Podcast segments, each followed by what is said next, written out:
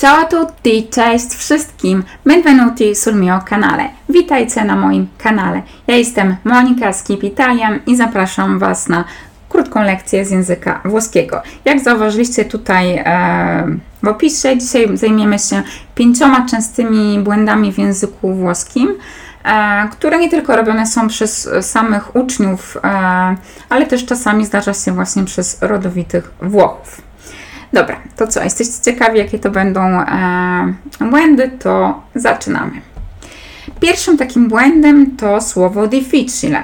Oczywiście tutaj macie, e, macie tak, macie zaznaczona kreseczka, jest e, przekreślone, że e, jest to zły zapis.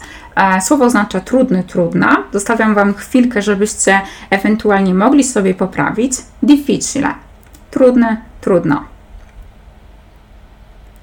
i poprawnie akurat w ten sposób, czyli difficile zapisujemy w ten sposób. Pewnie dla osób, które dopiero zaczynają naukę języka włoskiego, e, trudno jest zauważyć może, e, gdzie był wcześniej błąd. W takim razie przygotowałam dla Was porównanie.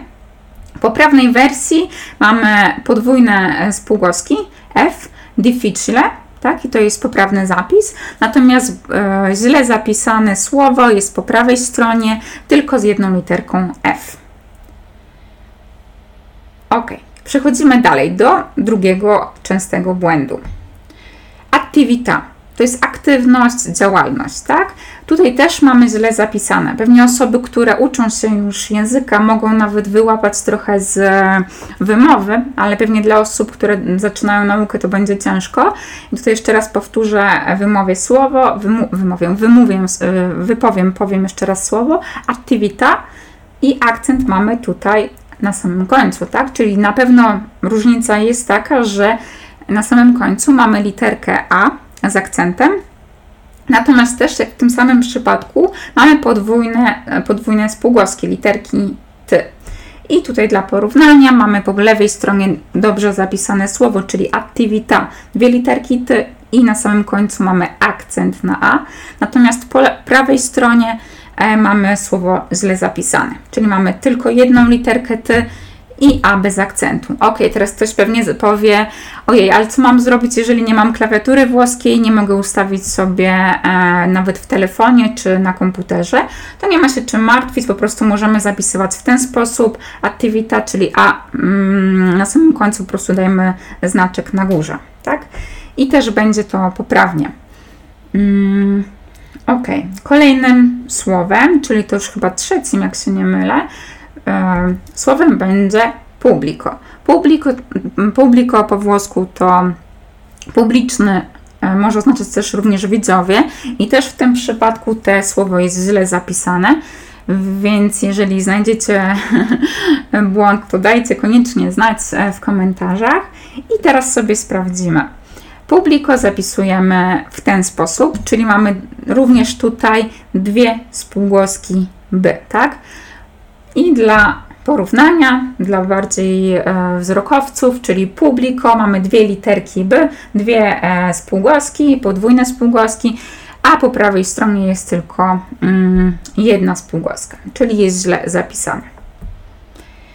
Ok, i tutaj często, częste zdanie, częste zdanie e, używane przez przede wszystkim osoby, które robią sobie jakąś tam przerwę w języku, w nauce języka włoskiego, włoskiego e, i na przykład mówią, no no, parlato italiano da due mesi. I nie, tak nie mówimy, tak? Tutaj mamy przekreślone, mówimy, no no, parlato italiano per due mesi, tak? Tutaj mówimy per, czyli przez dwa miesiące.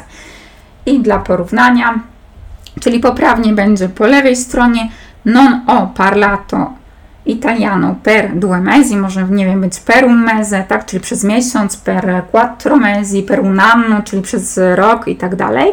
Natomiast niepoprawnie będzie po prawej stronie, tak? Tutaj e, to jest bardzo ważne i to jest w czasie przeszłym. Natomiast możemy również e, czy możemy również, często używane jest również w czasie teraźniejszym, często jest używane, w sensie często robione są błędy również w czasie e, teraźniejszym, tak?